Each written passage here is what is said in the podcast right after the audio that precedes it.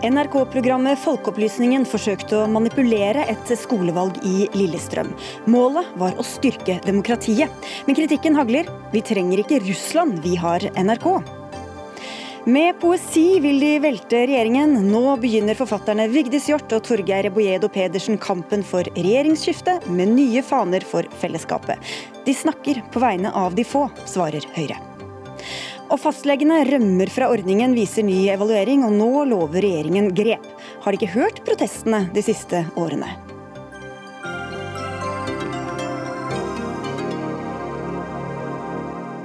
Dette er noen av sakene i dagens Dagsnytt 18. Jeg heter Sigrid Solund.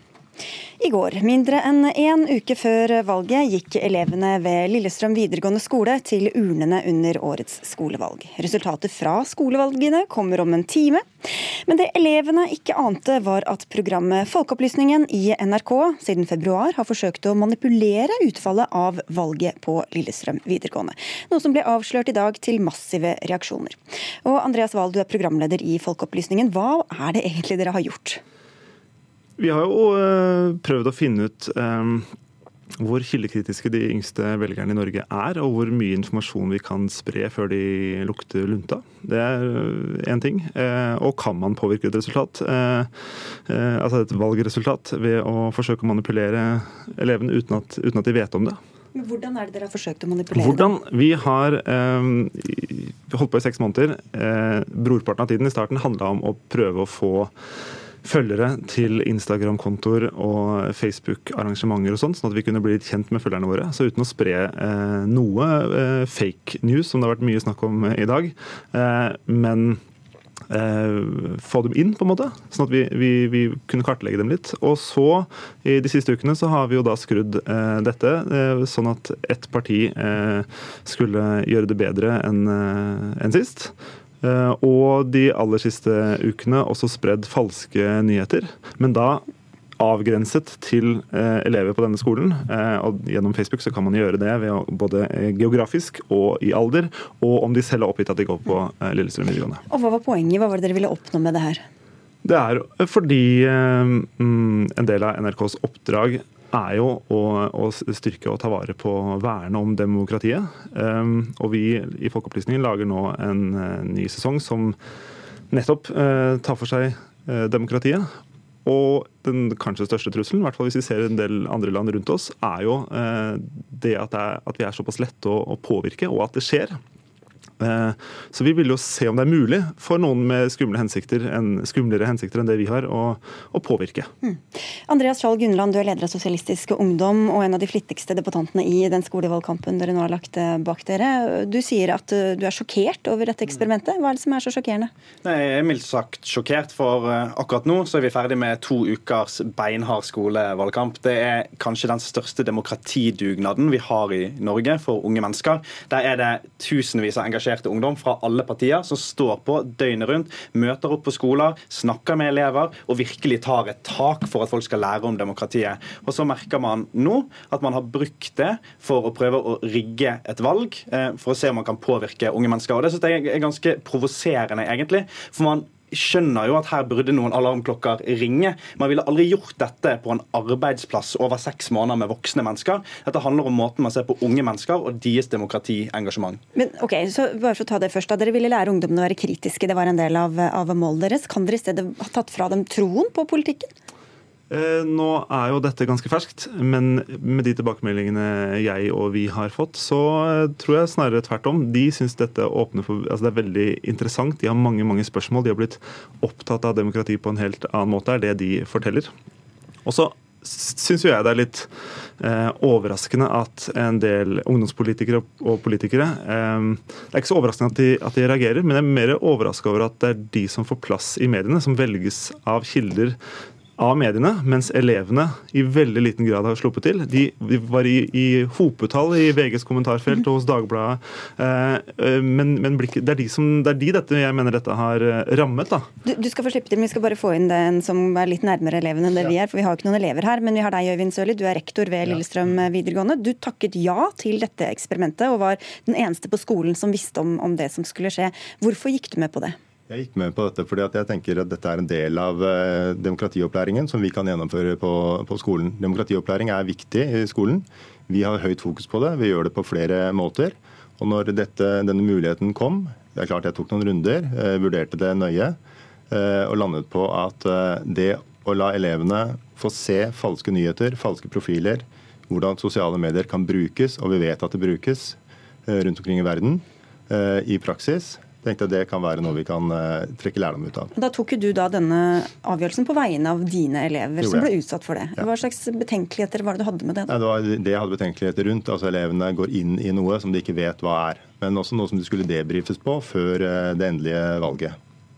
Altså, ingen elever har blitt spurt om å være med eh, på dette eksperimentet. Dere har tatt dere til rette i den største demokratidugnaden overfor unge mennesker i Norge i dag. Det syns jeg er, ganske provoserende. Og så er det sånn, Her driver vi en stor dugnad for unge mennesker eh, i dag. Og så syns dere det er greit å drive eksperimenter med. Eksperimenter som er med å forme meningene til unge mennesker, som kan også ha påvirket hvilke valg de tar, både i skolevalget, som er viktig for at de skal lære gode demokrativaner, men det kan også påvirke det ekte valget. Vi skal komme litt tilbake ja. til det, men, men, jeg vil høre, fordi det ble nevnt at elevene er positive. Hvilke reaksjoner har du fått? Eh, det er som nevnt noen en del positivt, på, ja, ja. også på NRKs Facebook-side. Ja, jeg har snakket med veldig mange elever som er positive i dag, men jeg har også snakket med noen som er sinte og noen som er provoserte, og noen som også stiller spørsmål ved det etiske rundt det. Selvfølgelig er det det.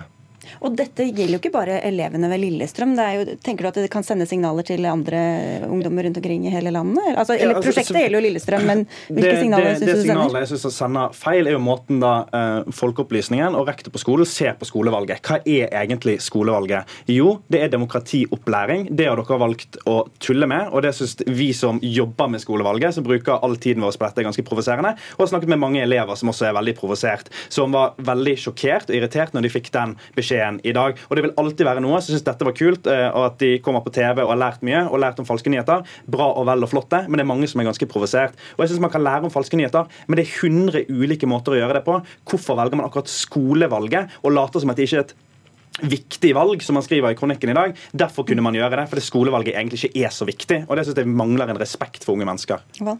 Jeg eh, syns vi har drevet eh, demokratiopplæring gjennom dette her. Eh, gjennom alle oppslagene i dag så sitter folk rundt middagsbordene hjemme forhåpentligvis og diskuterer hvordan, på hvilke grunnlag vi tar valg i livene våre, og valg i det demokratiske systemet. Og jeg tror, jeg tror at elevene på Lillestrøm videregående har lært mer av dette i dag. Vi skal, dette er jo en sak som dominerer nyhetene. Jeg vet at du vil ok, til to sekunder her ja, før vi skal videre. Det, det jeg ikke skjønner på de vurderingene som er tatt her, da. Hvorfor gjorde man ikke det på XXL-ansatte f.eks., eller folk som jobber i NRK? Hvorfor valgte dere akkurat skoleelever og ikke andre grupper? Da tror jeg de etiske alarmklokkene hadde ringt, og dere ikke ville gjort det. Det handler om en grunnleggende mindre respekt for skolevalget, som en viktig demokratiopplæring. Okay, jeg er helt uenig. Vi kunne gjerne gjort det på XXL hvis de hadde gjennomført eh, bedriftsvalg. Hvis det, eh, hvis det hadde fantes. hadde eh, det hadde vært det samme for meg der. Så det er ikke noe devaluering av, av, skolevalgene. Men vi selvfølgelig ønsker å gjøre det på et valg som ikke er tellende, i form av at, noen får makt. Og Det skal vi følge opp litt også, fordi denne saken dominerer da nyhetene i ettermiddag. Vi skal snakke mer om den. Først skal vi gjøre et lite sceneskifte. Takk skal dere ha, Øyvind Sørli fra Lillestrøm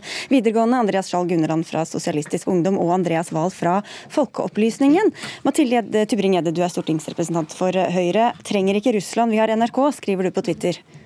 Ja, Man skulle tro at jeg satte det på spissen, men eh, i dette tilfellet så gjør jeg jo egentlig nesten ikke det. Fordi at Her har jo da NRK forsøkt å vise at det går an å manipulere et valg ved å faktisk manipulere et valg. Dette er reelle elever som mottar reelt falske nyheter, og som går og stemmer. Ikke bare skolevalget, men også her har vi mange førstegangsvelgere som går og stemmer i det reelle valget, og kan ha, ha muligheten til å forhåndsstemme nå i flere uker. Syns du det er en god sammenligning? Et enormt land som på en måte knebler meningsmotstandere og forsøker å påvirke andre land forhåndsvalg med noe som da skjer i full åpenhet Nei, men... Eh, og for noen få elever i Lillestrøm? Jeg tror man skjønner at man setter det på spissen, men det er klart at det spiller jo ingen rolle om én person har blitt manipulert og tro har visse oppfatninger om et parti, om det er Russland eller NRK som har vært med på å lage de oppfatningene. Og Det var på en måte mitt, mitt poeng. Og Her mener jeg virkelig at NRK har gjort en altså, grunnleggende uetisk vurdering, eh, hvor man har eh, gått inn i et geografisk område, en gruppe mennesker, og påvirket deres oppfatninger av partiet i et valgår. Per Arne Kalbakk, politikkredaktør i NRK. Hvilke etiske vurderinger var det dere gjorde dere som gjorde at dere endte ned på, på dette, at dette var greit? Det har jo vært, vært, flere over en lang periode. og Folkeopplysningen eh, jobber jo med dette programmet som del av en større serie, en sesong som skal etter planen sendes på NRK i høst, som handler om hvordan forbrukere, borgere, velgere kan manipuleres på ulike vis. Så det er hovedtema. Og Nå er det dette så, vi snakker om. Ja. Så er det sånn at dette ble til som en idé om at Folkeopplysningen ønsket å prøve ut noen av disse metodene som etter hvert har blitt kjent som trollfabrikker og andre har brukt for å manipulere demokratiske valg. Og vi satte noen forutsetninger. Eh, for det første at det ikke måtte være et reelt tellende valg som gir noen reelle maktposisjoner i samfunnet. At det måtte være et avgrenset område, sånn at det ikke ble spredt. Da pekte da skolevalg seg ut som en mulig ting å diskutere. Men det var også viktig for oss at rektor, som vi så, ledelsen i skolen, var med på dette og mente at dette kunne ha en verdi for dem. Men så, Det rakk vi ikke å si i stad, men det er altså sånn at det var Senterpartiet som skulle forsøke å altså det var, det var de som skulle opp og fram, eh, for å si det sånn. At, og, de, og, det klarte de bare i en veldig liten grad. Så, så konklusjonen var jo at eh, elevene ikke lot seg manipulere så mye. Men hvordan kan man vite det når de har spredd løgner om alle partiene omtrent? Og som Tybring-Gjedde sier her, at dette gjelder også folk som kan ha gått og forhåndsstemt. At da kan det ha påvirket et reelt valg? Det kan ha påvirket et reelt valg for noen. Eh, så er det sånn at det er ca. 200 elever ved Lillestrøm som har eh, stemmerett. Hvis alle har forhåndsstemt i like stor grad som befolkningen som helhet, så er det kanskje en 35-38 stykker som kan ha gjort det. Og, og, Senterpartiet, som var det uh, partiet som tilfeldigvis ble uh, ikke tilfeldigvis, da, men som ble valgt å løfte fram, fordi det er et uh, relativt stort parti, men ganske lite på Lillestrøm, så da ville man kunne se et, et utslag, utslag, på det. Men det var det jo da i liten grad, og sannsynligvis ikke større enn det som er den allmenne oppgangen deres. Men Altså det, det, spiller jo ingen rolle om det var 40 eller to elever man eh, påvirket som gikk da og stemte forhåndsstemte. Det er jo ikke det det handler om. Det handler om at man har bevisst spredt falske informasjon. Det har NRK, eh, allmennkringkasteren, gjort til unge mennesker, som også har mulighet til å stemme i et eh, reelt valg. Og så mener jeg også at man skal ikke undervurdere skolevalgets betydning. Det har betydning for valgkampen i partiene, for mediedekningen, og også mange ganger har man sett, også betydning for selve valgresultatet. Så her har NRK gjort en veldig stor bommert og det overrasker meg veldig at NRK ikke legger seg eh, ganske flate. Formålet er det ingen som sier noe på. Eh, jeg er veldig for at lærere har eh, gode pedagogiske opplegget i et klasserom og lære om kildekritikk. Det er det ingen som betviler. Men en veldig viktig del av å bekjempe flere ekkokamre, mindre tillit og et mer fragmentert eh, samfunn, det er jo at man stoler på at den allmenne innkringkasteren faktisk eh, kommer med kvalitetssikra eh, informasjon og kan være det stedet man går til for å lære, og at partiene snakker sant, og ikke er med på å spre den giften som vi vet undergraver demokratier i verden. Det, det, er jeg helt enig i.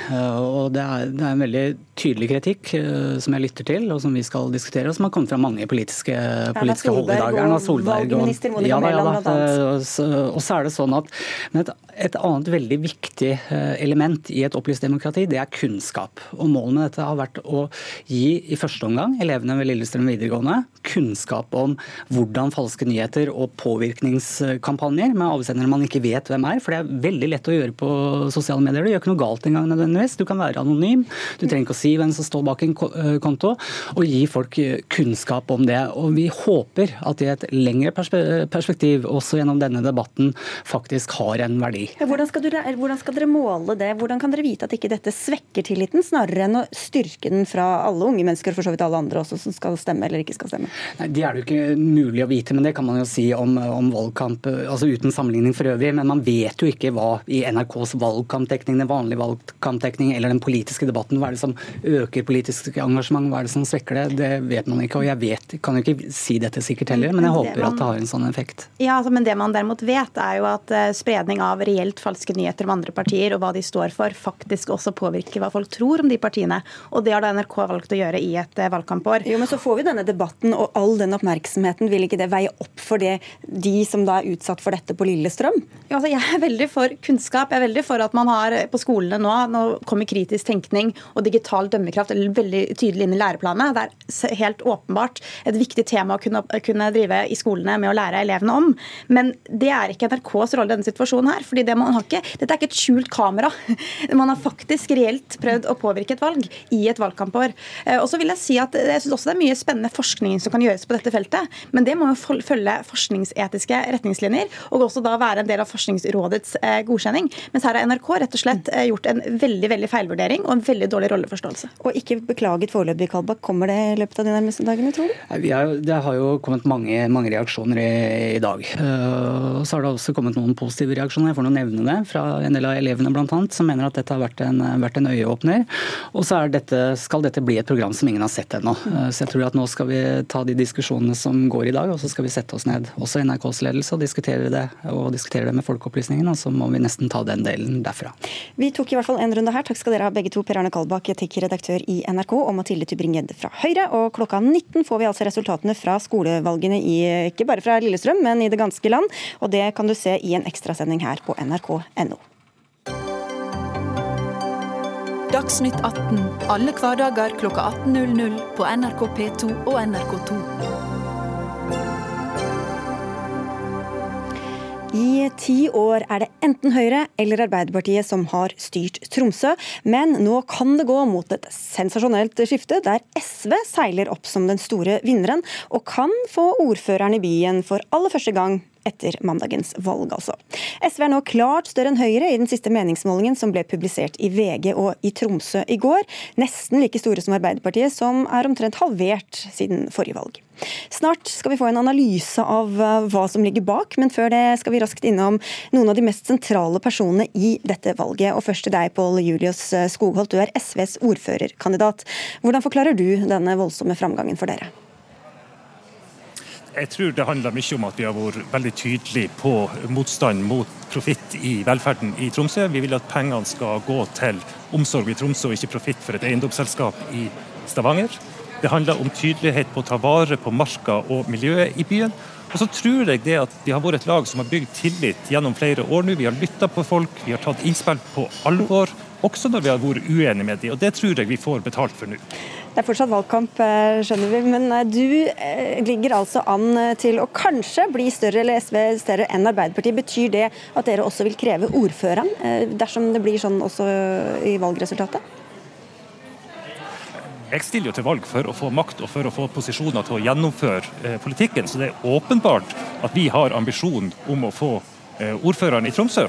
Det er det flere andre her som òg har. Og så skal vi jo forhandle eh, etter valget om det og om, eh, om politikken. Og så er jeg helt sikker på at vi skal klare å bli enige på venstresida i Tromsø om en stabil og trygg styring av denne byen.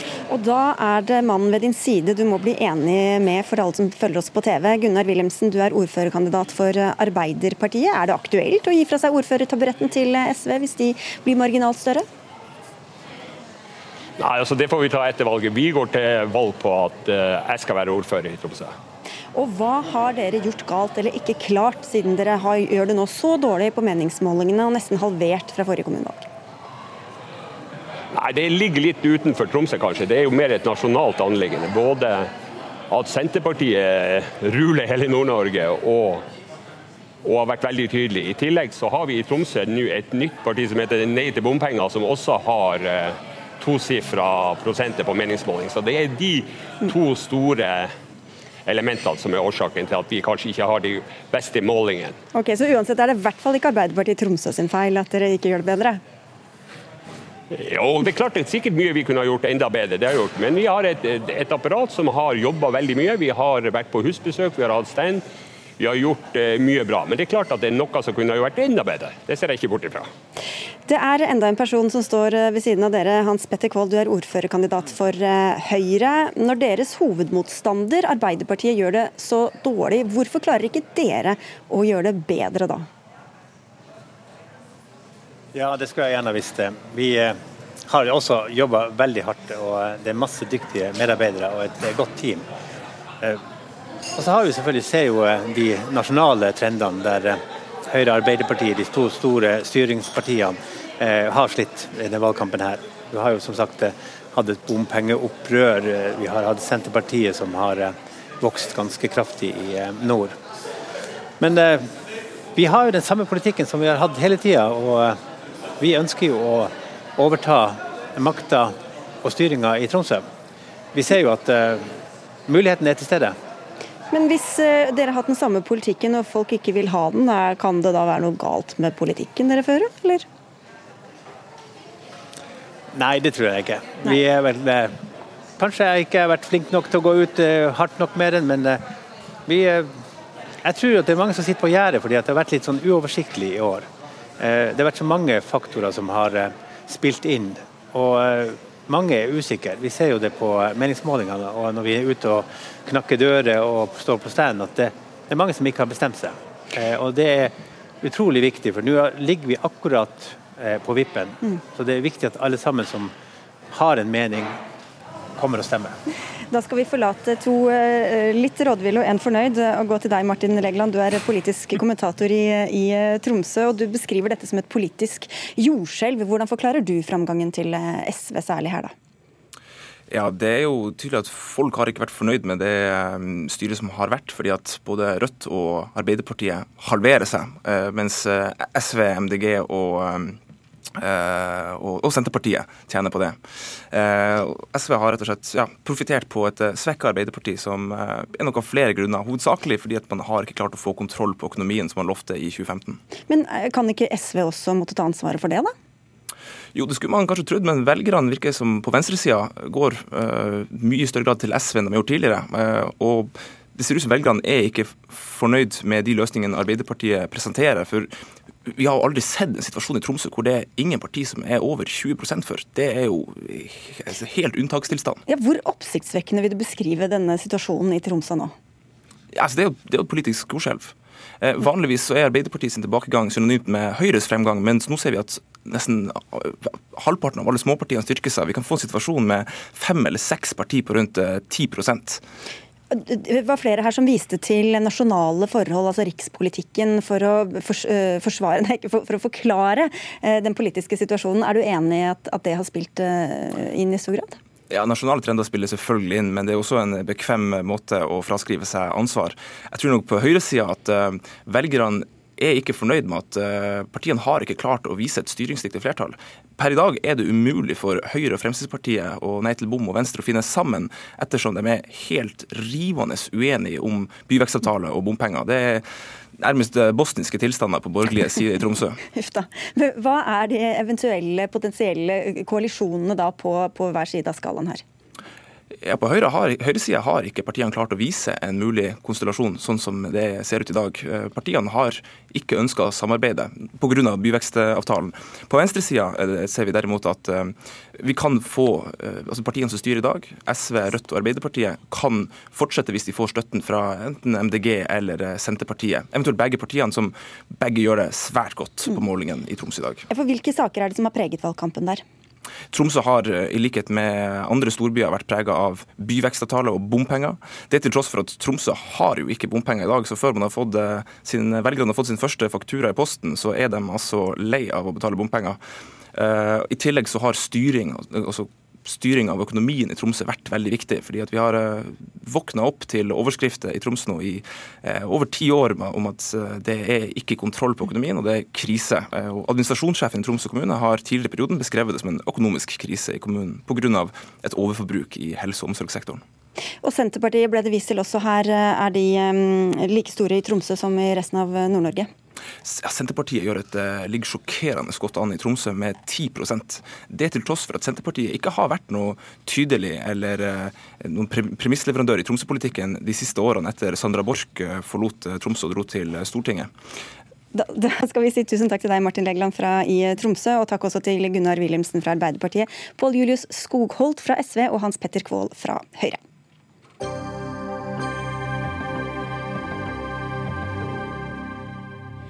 Snart skal vi diskutere hvorfor så få vil bli og bli værende som fastleger, men før det til noe ganske annet. Fanen heller var overskriften. Under den fulgte et to sider langt dikt mot privatisering, høye direktørlønninger, overklassen, velferdsprofitører, skattelette, foretaksmodellen, Nato, kommunesammenslåing. I tillegg til kritikk av dagens oljepolitikk, flyktningepolitikk, forsvarspolitikk, kulturpolitikk og boligpolitikk, blant annet. Under diktet i lørdagens Klassekampen sto det to signaturer, og de tilhørte dere forfattere Vigdis Hjorth og Torgeir Reboedo Pedersen. Dette er altså ledd i en lang kampanje. Nye faner fram mot neste stortingsvalg. Hva er prosjektet deres? Jo, det har seg sånn at For et års tid siden så kontakta jeg Vigdis, som jeg kjenner fra før, som hadde skrevet noe veldig vettugt i Morgenbladet om behovet for en ny regjering.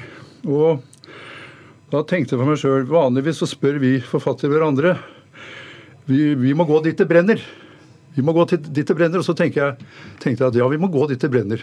Nå er det seg sånn at navlelo, det brenner bra. Men verden, når verden brenner, hva gjør vi da? Og er på en måte en norsk regjering kapabel til å gjøre noe med det?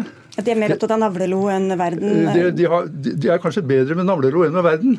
Vi får høre med deg, Vigdis Hjorth. Hva, hva, hva, hva, synes du eller dere at dere kan bidra med inn i politikken, som politikere eller organisasjoner ikke kan?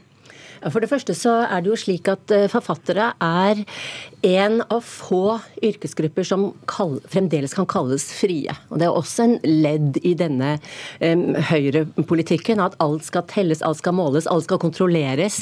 Eh, det er nesten bare forfattere og kunstnere igjen som ikke er ansatt noe sted, som ikke har noe mandat, som ikke skal velges igjen osv. Og, og det er ikke utenkelig at det kan komme noe litt interessante tanker fra et slikt ståsted. Og enn så lenge så er til og med forfatterne i Norge ikke en gang avhengig av markedet, og jeg håper aldri vi blir det. Um, på den måten som... Dere er avhengig av staten? Er avhengig av politikerne? Altså, nei, vi er avhengig av, altså For det første så leverer vi jo bøker til bibliotekene, biblioteksvesenet, og bidrar på veldig mange måter. bare så det er, er, er, sagt. Og for å være helt konkret, altså kan jeg nevne et eksempel, bare for å forsvare de ordningene vi har.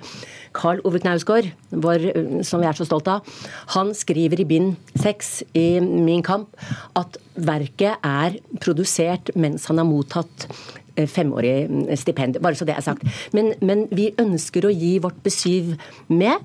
Vi har tilgang til uh, offentligheten. Og, og, mener også kanskje at vi kan utfordre det politiske språket. Både det visuelle og det for å ha med oss billedkunstnere.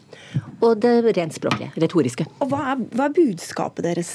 Altså, jeg tenker mitt i fall Personlig så er jeg veldig opptatt av at man sier i norsk politikk at uh, næring skal gå foran tæring.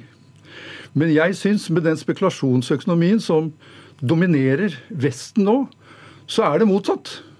Så vi bruker opp, vi bruker opp uh, framtiden til barna våre før, før, den kommer. Altså Vi bruker opp jorda. Jorda brenner foran oss. Og jeg syns at det er på mange måter er umoralsk av høyresida, og delvis også av venstresida. Jeg tar alt det som er selvkritikk å jobbe med en, med en, spekulasjonsøkonomi som gjør at f.eks. Eh, Amazonas brenner.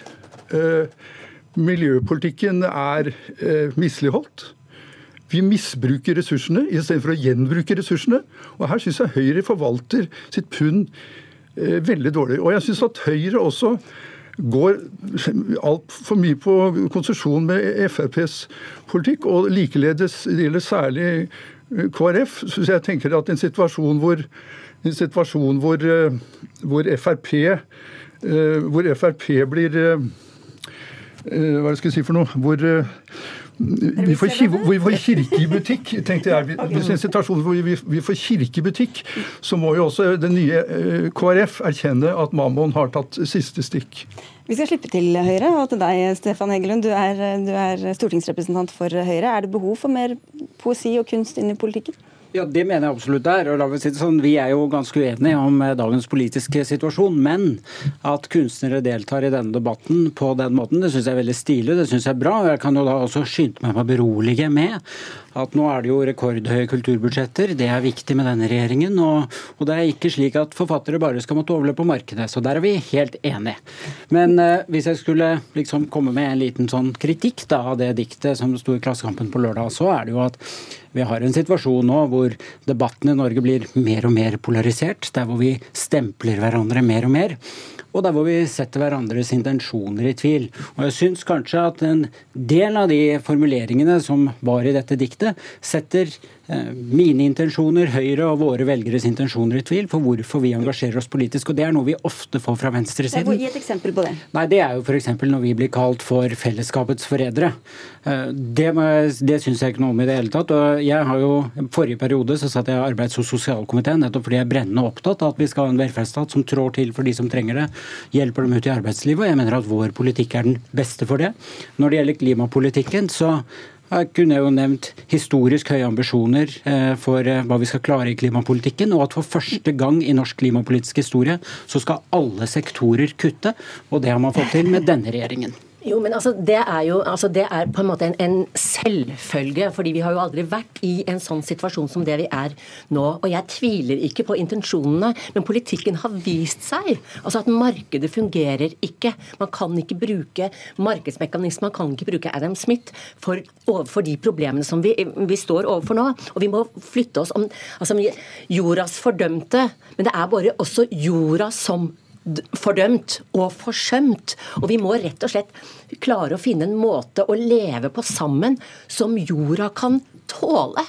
Og da kan vi ikke fortsette i gamle spor.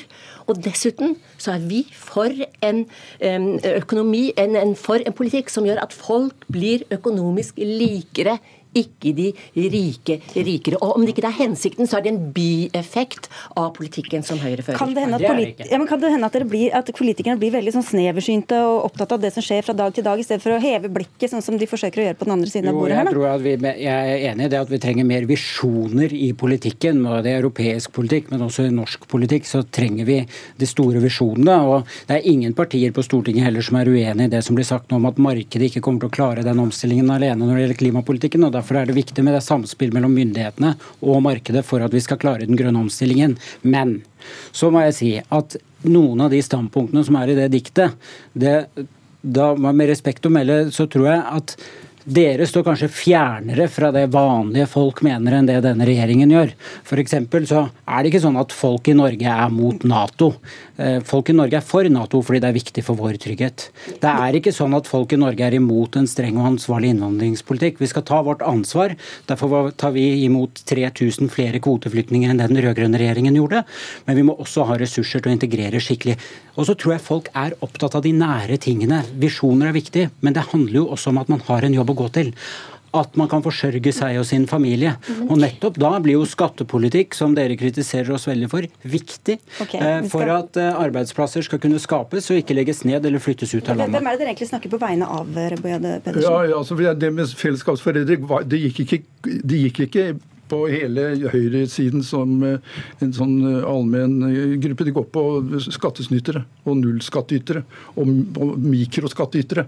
Helt konkret. Det går ikke på dere. Det går ikke på deg men, men dere, dere, dere, sier at dette er et tverrpolitisk eh, prosjekt? inspirert av Poetisk. Og tverrpolitisk. tverrpolitisk og tverrpolitisk. Men dere kritiserer jo eh, Høyre, Venstre, Fremskrittspartiet, KrF, eh, Arbeiderpartiet. Hvor mange er det igjen til dette tverrpoetiske politiske? Vi kritiserer faktisk også Rødt, altså, sier, at, som sier på sin valgprogram at de har millionærer, vi har hverandre. Jeg mener at det er egentlig feil. De har milliardærer, skulle det stått. Men, men, det er noe altså, helt uten sammenligning. Eh, fordi eh, EU-kampen var helt spesiell, og den var liksom knytta til ett spørsmål. Nå er det mange spørsmål, men vi har jo et hovedspørsmål. Og det er, ja, det er jo at, at, det er krise nå. Liksom, på, det er liksom hvite sånn derre Kirkegård skriver om dagboken sin liksom den hvite prikk i horisonten. Det bliver en forferdelig natt. Og kapteinen ser det ikke! Den hvite prikk i horisonten. Den blir en forferdelig natt. Og jeg mener at den regjeringen vi har nå, de snakker som om det ikke er krise. Altså, Erna virker ikke bekymret, mens ungdom, ungdom er bekymret. Og i forhold til EU-kampen så greide man å konse som ett stort spørsmål. Og så fikk man med de illojale i alle, alle partier, og fikk med liksom, og greide å samle seg om rundt noen spørsmål. Særlig omkring dette med at man nå privatiserer, privatiserer, og postvesenet skal tjene penger. Det som før var å bygge sivilisasjon. Sykehus, budsjetter. Alt skal måles i kroner og ører. Og den kapitalistiske markedsmessige tenkemåten tvinger seg inn, også inn i humaniora, slik at fag blir nedlagt osv. Det er på så mange måter. Det, ja, det er mange ting å ta tak i.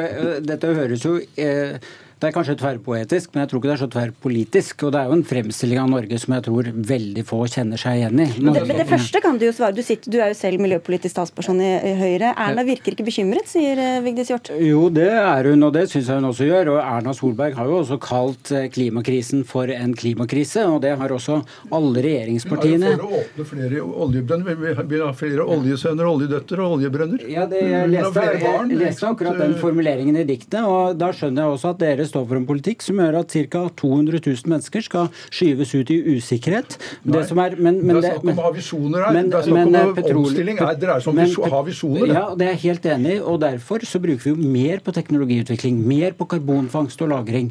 Og vi stiller strengere krav, og at alle sektorer skal kutte. og jeg tenker sånn Klimapolitikken, så hører vi Jo, vi gjør det. Totalt sett så går utslippene ned med denne regjeringen. Men jeg tror, sånn, hvis man mener at det ikke skjer noe i klimapolitikken, så er det sånn én uke i juni er et veldig godt eksempel på hvor mye som skjer. Og På mandagen så kobler vi oss opp til EUs klimapolitikk. Tirsdag foreslår regjeringen å åpne nye områder for havvind, et industrieventyr klimavennlig for Norge. Torsdag en handlingsplan for å kutte skipsfartens utslipp med 50% og fredagen en historisk klimaavtale med landbruket. Det skjer veldig mye i klimapolitikken, og hver eneste altså, år så skal det skje mer. De utfordringene, altså All politikk må reorganiseres på en måte vi aldri har stått overfor. Vi er en utrykk utrydningstruet art krever en gjennomtenkning av alle måter å tenke politikk på. Vi har ikke noe svar, men vi prøver å dytte og prøve å si en riktig retning fordi vi Det er bedre av og til å, å liksom skrike litt enn at folk skal omkomme i apati og avmektighet. Men nå lister han opp masse tiltak, og så har dere visjonene. Hva skal, hva skal de bruke dette til eh, fra, i, Nei, altså, hos politikerne? Fint, tiltak er fint, men altså, det er et tiltak som mangler. Det er f.eks. Å, å, å vurdere en del straffereaksjoner i forhold til Jair Bolsonaro i Brasil, som driver og som egentlig i praksis brenner ned eh, regnskogen. Og der har næringsministeren inngått en avtale som er helt kritikkløs. Ja, Den har vi diskutert litt her også. Og Der har jeg vært og diskutert den, og da kan jeg bare gjenta at der folkerettslig forplikter vi Brasil til å hindre f.eks. ulovlig avskogning, og at de skal jobbe for å nå Parisavtalens ja, klimamål. Det er, okay, er det noe du tar med deg herfra, Stefan Egerlund, eller? Ja, som sagt så syns jeg det er veldig Jeg tar med meg et veldig fint dikt, og så, som jeg er veldig uenig i innholdet i. Og så har jeg med meg, det er kanskje ikke fanepoesi, men jeg har med meg to brosjyrer for Høyre som dere kan lese og se hva vi går til valg på. Og så må dere ha et riktig godt valg. Men jeg har veldig lyst til, altså Siden vi er forfattere her, så har jeg et bitte lite dikt. Og det heter 'Tid, mann og Gud'. Som sola faller bakom fjellet, faller fjellet over fjorden. Og dagen blir til natt. Fjellene har Gud skapt, hver tuft av mann og kvinne. Før sola har stått opp igjen, har folk på øvre melket geitene, og folk på nedre melket kyra. Men snart er tuftene fordufta i kamp mot tidsånden. Må skråninger som slås med ljå, gi tapt, og hjertene som slo dem, må gi tapt. Hjertet på nedre tuft slo ikke lønnsomt, hjertet på øvre tuft slo ikke lønnsomt. En fattig trøst er det, at alt hva hver mann skapte som er tapt, er skapt igjen av tidemann. Og alt hva Gud skapte som er tapt, er skapt igjen av Gude. Fjellene av Gude skapt, og hver mann skapt av tidemann. Fra brudeferd til bondeanger. Sånn har vi aldri avsluttet en Dagsnytt 18-debatt før, men nå gjorde vi det i dag. Tusen takk skal dere ha, alle tre. Tusen takk. Tusen takk.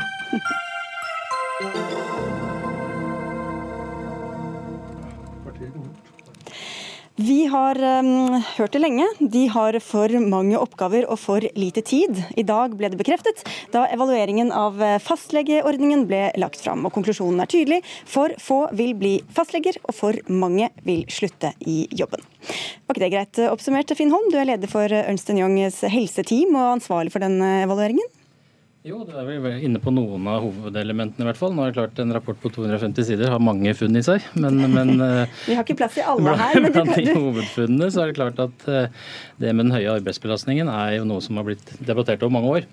Men det har også nå blitt bekrefta av en tredjepart gjennom de undersøkelsene som er gjort. og det er, det er krevende for fastlegene.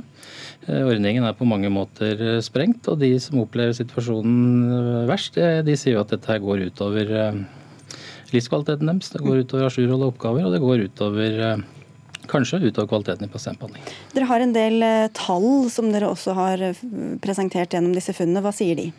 Eh, hvis du tar de som eh, da er, eh, som er i, i arbeidsbelastningen, på en måte, og, og, hva de sier om det, så er det jo faktisk sånn at ca. 1100 av de legene som er i ordningen, eller de som vi har spurt, faktisk, det er, det er, faktisk de vi har spurt, så er det jo 1100 leger som går rundt der ute og sier at de ikke har det helt bra med seg selv.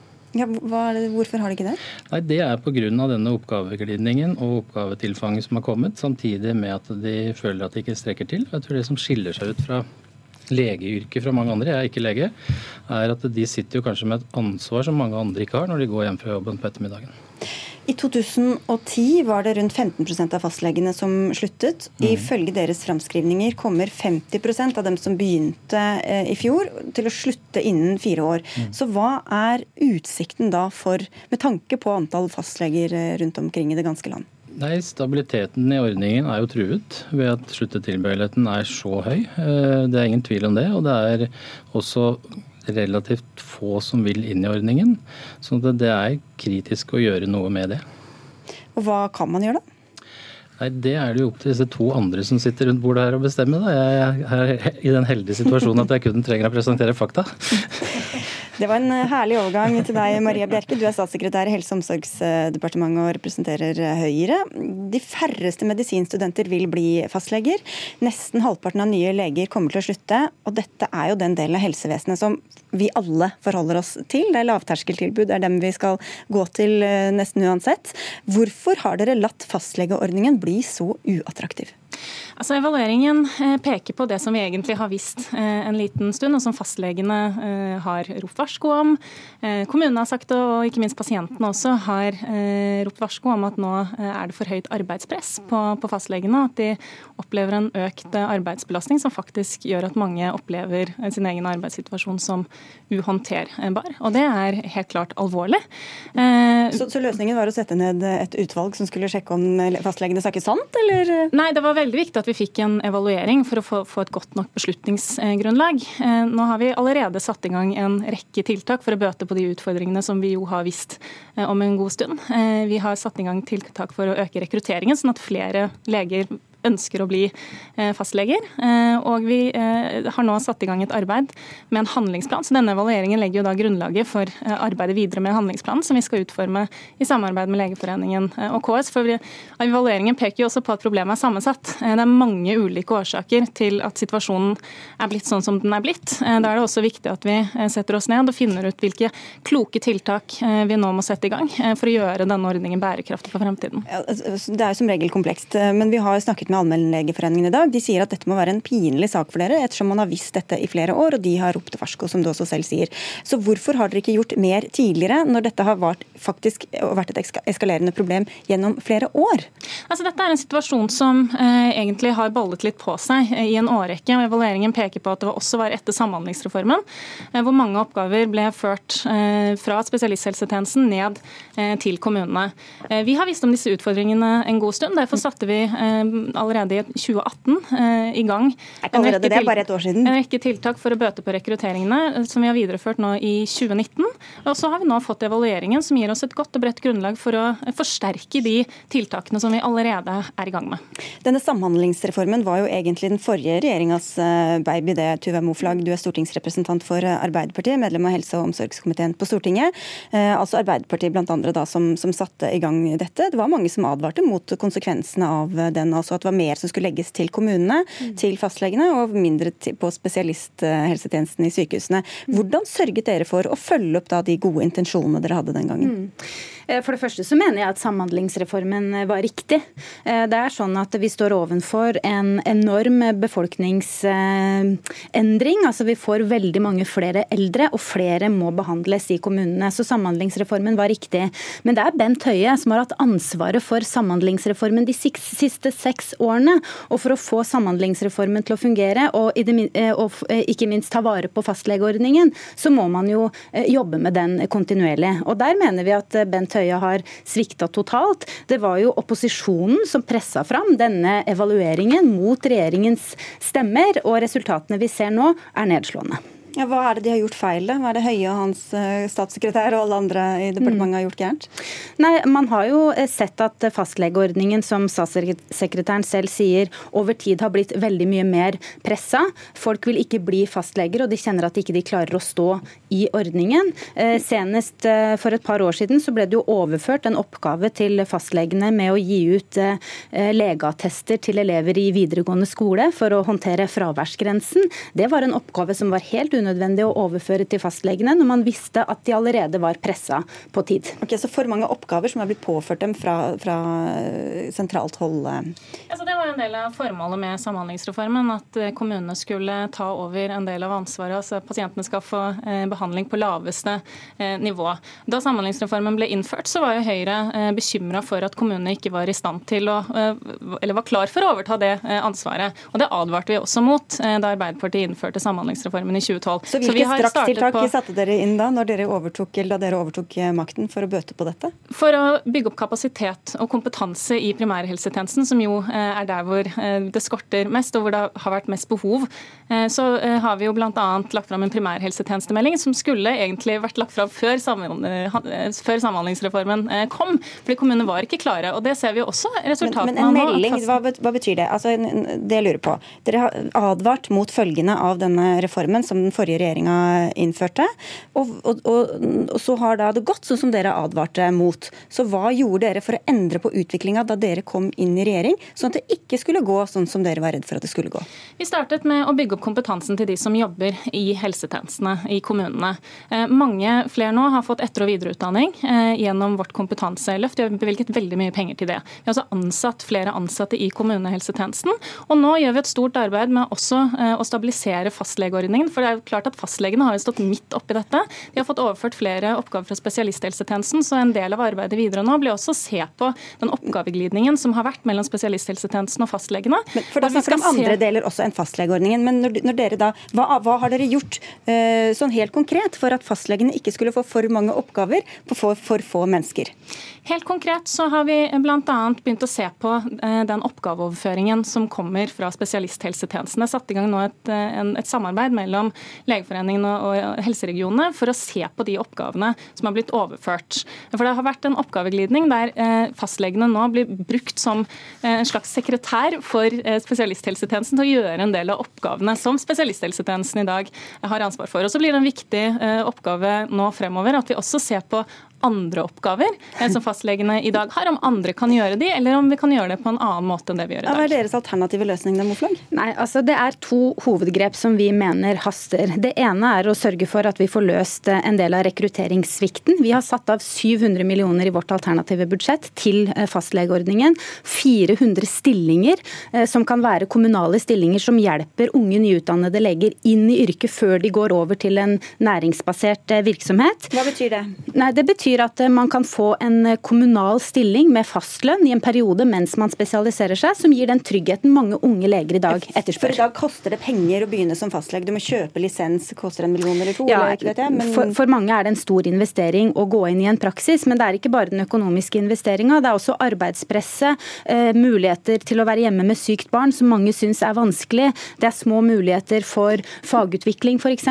Være borte for å ta kurs. Og mange syns det er en fin ordning i det kommunale, at du har en fast lønn, at du kan være hjemme med barna dine, at du kan delta på kurs, eh, og at du da senere, etter at du er ferdig spesialisert, starter din egen praksis. Men hva hjelper dette for de som er ute i fastlegeordninger i dag? Det hjelper ikke de som er ute i fastlegeordningen i dag. Og det er jo det som Ja, viktig. og det er de som vil slutte. Ja, men vi må jo løse begge utfordringene. Eh, Det ble jo sagt også et av funnene her. Vi har for få som vil bli fastleger, og vi har for mange som vil slutte. Og begge de to problemene må vi løse for å få en bærekraftig fastlegeordning. Ja, det er jeg helt enig i. Eh, Og vi har jo også eh, etablert flere ALIS-avtaler, eh, nettopp for å sørge for at de som skal bli fastleger i dag, opplever en trygghet i den første. det er så mange Ja. mye rar sjargong her. Det er en avtale for de som skal bli spesialister i, i allmennmedisin. Hvor de da kan enten gjennom fastlønn bli ansatt i, som en del av kommunehelsetjenesten og få bedre rammebetingelser, mer trygghet.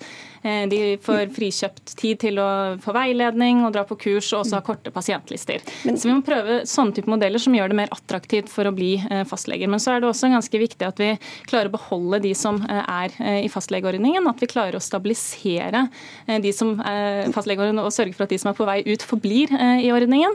Og Da er det også veldig viktig at vi ser på andre typer oppgaver, f.eks. mer oppgavefordeling, hvordan vi kan jobbe på på andre måter, og Men- hvordan digitalt verktøy kan to- gjøre det lettere å bli. Dere lovte 2000 nye leger i forbindelse med at fastlegene ble gitt flere oppgaver. Hvor er det blitt av disse 2000? Det var ikke vi som lovte de 2000. Hvem var det som men- lovte dem? Var det dere som lovte 2000? Noen har lovt 2000. Rekk opp hånda den som har lovt det. Ja, vi har nå i hvert fall satt av penger til 400 nye stillinger i vårt alternative budsjett nå. Vi vil se på oppgavene, og ikke minst så kommer vi ikke med småpenger sånn som regjeringa gjør. 700 millioner kroner, det monner, mens regjeringa har brukt opp sitt handlingsrom i et bompengeforlik før årets statsbudsjett skal behandles. Ja, men det, altså Penger får jo, skaffer jo ikke nødvendigvis flere leger, gjør det det da? Det er jo viktig med penger for å eh, kunne eh, ha midler til å ansette legene, til å rekruttere dem, til å gi dem tid til å være hjemme med syke barn, til å drive med fagutvikling. Alt dette koster penger. Vi kommer ikke lenger nå. Tusen takk skal dere ha, alle tre. Maria Bjerke, statssekretær i Helse- og omsorgsdepartementet, Tuva Moflag fra Arbeiderpartiet og Finn Holm, som er eh, altså ansvarlig for evalueringen og leder for Ernst Youngs helseteam. Hør Dagsnytt 18 når du vil. Radio NRK Radio.nrk.no.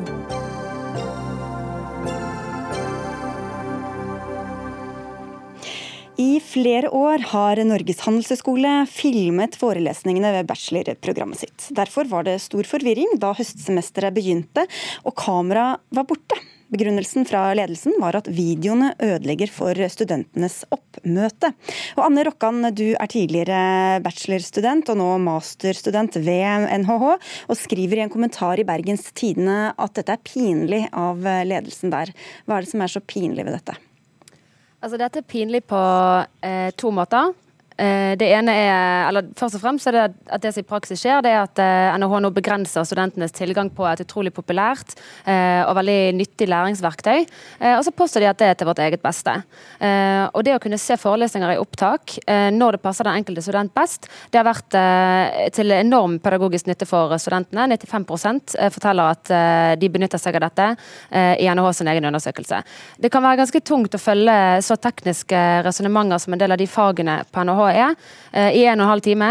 Det å kunne ta på pause, eh, spole tilbake, eh, gjøre oppgaver underveis eller repetere før eksamen, er, tilbyr en sånn fantastisk nyttig mulighet mm. for studentene. Så det at NHH nå på en måte begrenser denne muligheten eh, og påstår at det er av pedagogiske hensyn, det syns vi studentene er litt tynt. Og vi mistenker jo at det eh, er en eh, måte å skjule den egentlige grunnen, som er at studenter går mindre fysisk på forelesning når de kan se opptak, og professorene syns det er trist å forelese for halvtom sal. Ja, Det kan man jo strengt tatt forstå, da. Men Linda Nøstbakken, du er prorektor ved Norges handelshøyskole. Hvorfor har dere tatt bort dette tilbudet til elevene eller til studentene, som når de da tydeligvis setter så stor pris på det? For det første så har vi ikke tatt det vekk. Eh, vi har sagt at eh, vi skal fortsette å filme. Er det filmes det like mye som før, og overføres like mye som før? Det filmes nok ikke like mye som før, eh, og det kan vel gjerne tyde på at vi har filma litt for mye før. Men bare begynner med det som du introduserte saken med. Du sa at video ødelegger for studentenes oppmøte. Og Da er nok rett at den enkelte har diskutert video, i, om det kan forklare litt da sviktende oppmøte, eller at det har gått ned det vi ser som kommer på forelesninger. Men da var ikke grunnen til at vi gjorde dette. Bare så det er sagt. Eh, og det som vi ønsker å gjøre, er at når du tar opp noe i klasserommet så skal det være fordi det er en god læringsgrunn. Og nettopp det som Rokkan her viser til med tekniske resonnement. Jeg håper jo at våre forelesere enten lager en videosnutt som fanger disse tingene og legger ut og deler med studentene i forkant, eller at de faktisk da trykker på opptak når det kommer til det tidspunktet i forelesningen. For bare for å si også at det som vi har gjort, er å si at du skal ikke bare gå inn i klasserommet, trykke på rekord og la alt bli tatt opp fra begynnelse til slutt. Alle forelesninger i et helt kurs. Vi skal ta opp der det gir mening for læringa og for studentene. Men Du sier at du håper det, men hvordan sikrer du at det faktisk skjer, da? ja, vi jobber jo med å få til mer studentaktiv læring på mange måter. Det er et stort mål for oss, og jeg tror jeg og, og studentene òg er veldig enige med hva vi vil oppnå. Jo, men Hvis dere vil oppnå, hvis du, hvis du synes at det er en, eh, en, god læringsmetode å ta opp og la elevene kunne få se og spole og, og, og undersøke ordentlig, hvordan sikrer dere at det faktisk skjer der hvor det burde skje? Nei, Da er jeg jo i, i klasserommet den beslutninga blir tatt av foreleserne. Mm. Og sånn som det blir gjort, så er det, jo, det, er jo, det er jo mange fordeler med video. Det er jo ikke til å komme vekk ifra. Men det er ikke nødvendigvis mange fordeler med å ta opp hele forelesningsserier fra begynnelse til slutt. Så det vi ønsker er jo å ha mer videoer som blir delt med studentene i forkant, kanskje. Frigjøre tid i forelesningene til å få mer studentaktivitet, for vi vet at det er studentaktivitet studentene lærer mest av. Ja, Rokkan, hvorfor ikke ha en vurdering i hvert enkelt tilfelle om dette er formålstjenestelig? Og, og, å filme og legge ut eller ikke? Ja, For det første må de jo da gjøre det på forhånd, eh, og ikke bare la være å filme uten å tilby noe annet istedenfor. Uh, og for det andre så er det ikke det at vi studentene ikke har lyst til å gå på skolen, uh, men som en medstudent av meg skrev i studentavisen vår, så er jo ikke det viktigste altså det viktigste er jo at vi lærer noe, ikke at vi holder forelesere med selskap. Og når det kommer til, som Nespakken sier, altså aktiv, aktiv læring, så er det ingen som er uenig med det. Spørsmålet er jo Eh, hvorfor skal vi nødvendigvis gjøre det i forelesning? Eh, altså En del av de bachelorfagene det er snakk om her, eh, foreleses i en sal med 450 sitteplasser. Hvis eh, NHH får det så det vil, og den fylles opp, så er det ikke rom for den gode samtalen. Og spesielt aktiv, eh, altså deltakelse fra de 450 studentene og den ene professoren. Så det jeg tenker NHH burde gjøre, eh, er jo å vurdere hvis det er lavt oppmøte i forelesninger, hvorfor det? Kanskje det finnes andre måter eh, å lære studentene og aktivisere studentene på. Nå er jo forelesninger eh, et par tusen år gammel oppfinnelse. Det er jo på en måte mulig at det finnes andre måter å lære fra seg pensum på som vil aktivisere og interessere studentene mer enn det som strengt talt ofte er en monolog. Nøstbakken. Nei, det er, jeg er helt enig. Og det er jo nett dette vi jobber med. Og jeg er helt sikker på, hvis, nå vet ikke jeg tid du gikk på bachelor, men hvis du hadde gått på bachelor nå, så hadde du møtt mye nytt i bachelorkurset. Og i de obligatoriske kursene så er de vanskeligste å få dette til på, for det er veldig mange studenter på en gang. Men vi har dialogbasert statistikkundervisning. Vi har type Skavlan-oppsett i klasserommet, og det er masse som skjer.